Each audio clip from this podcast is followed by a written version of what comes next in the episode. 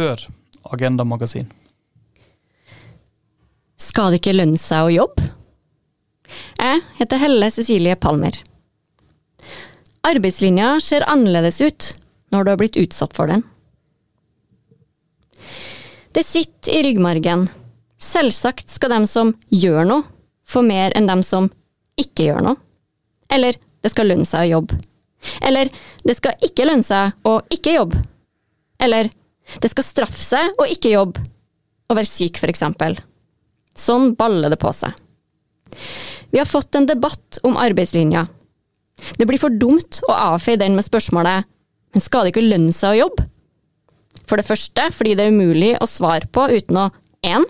Forsvare den eksisterende arbeidslinja. Jo, det må jo lønne seg å jobbe, og dermed havne i den umulige situasjonen å være enig noe man er uenig i.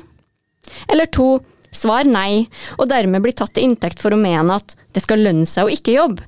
Altså legg til rette for at folk bare kan slutte å jobbe og cashe inn trygd. Det er et spørsmål som er omtrent like vanskelig å svare på som den klassiske har de sluttet å slå deres kone?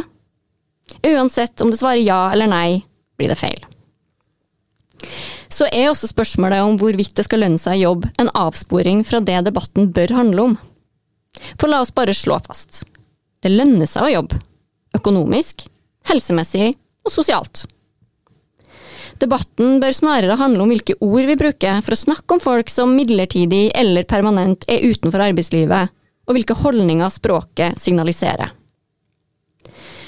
Som kommentator kan jeg analysere og mene mye om mangt. Men jeg syns også det ligger til jobben å påpeke konsekvenser av politikk og politisk språk.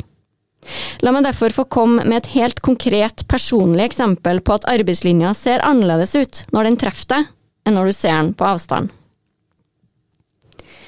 I desember 2017 satt jeg på galleriet i stortingssalen og fikk arbeidslinja trykka ned i halsen av noen av landets mest sentrale politikere. Ja, det var sånn det føltes. På dagtid var jeg hjemme med et barn som hadde vært alvorlig syk. Jeg mottok noe som het pleiepenger, fordi jeg ikke kunne være i jobb. Ungen min trengte meg.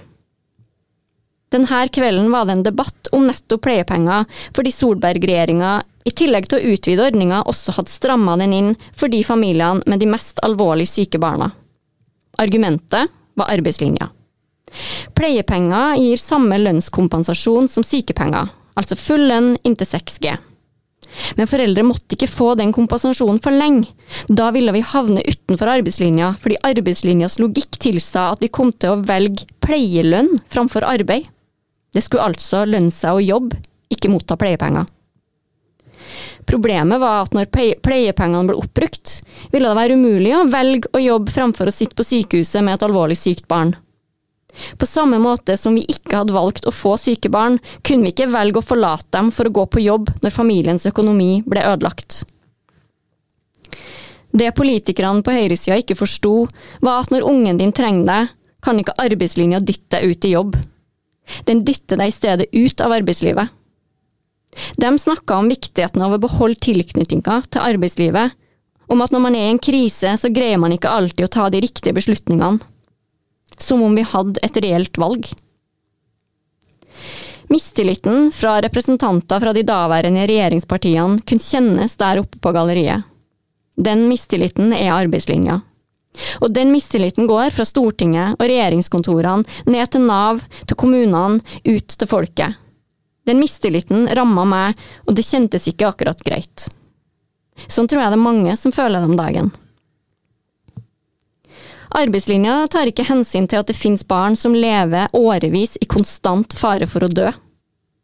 Foreldrene til disse barna skulle gjennom trusselen om ødelagt familieøkonomi komme seg bort fra intensivavdelinger, sykehussenger og avanserte hjemmesykehus, og tilbake på jobb. Jeg tror det var SVs Karin Andersen som kalte arbeidslinja på sitt råeste. Noen dager senere satt jeg i Dagsnytt 18-studio sammen med Andersen og Høyres Heidi Nordby Lunde. Mot slutten av debatten sa jeg, og nå var jeg nesten desperat, jeg måtte få banka det inn, vi vil jo jobbe! Det er alt vi vil! Hvorfor kan ikke det være utgangspunktet for arbeidslinja? I stedet for en pekefinger som formaner deg om at det skal lønne seg å jobbe, bør arbeidslinja være en hjelpende hånd. Ap-politiker og byråd for arbeid, integrering og sosiale tjenester i Oslo, Rina Mariann Hansen, beskrev nylig arbeidslinja som et fryktelig begrep. Den forutsetter at vi har et arbeidsliv der alle kan gå rett inn, at det er den enkeltes manglende evne til å få seg jobb som er problemet, fortalte hun til Vårt Land.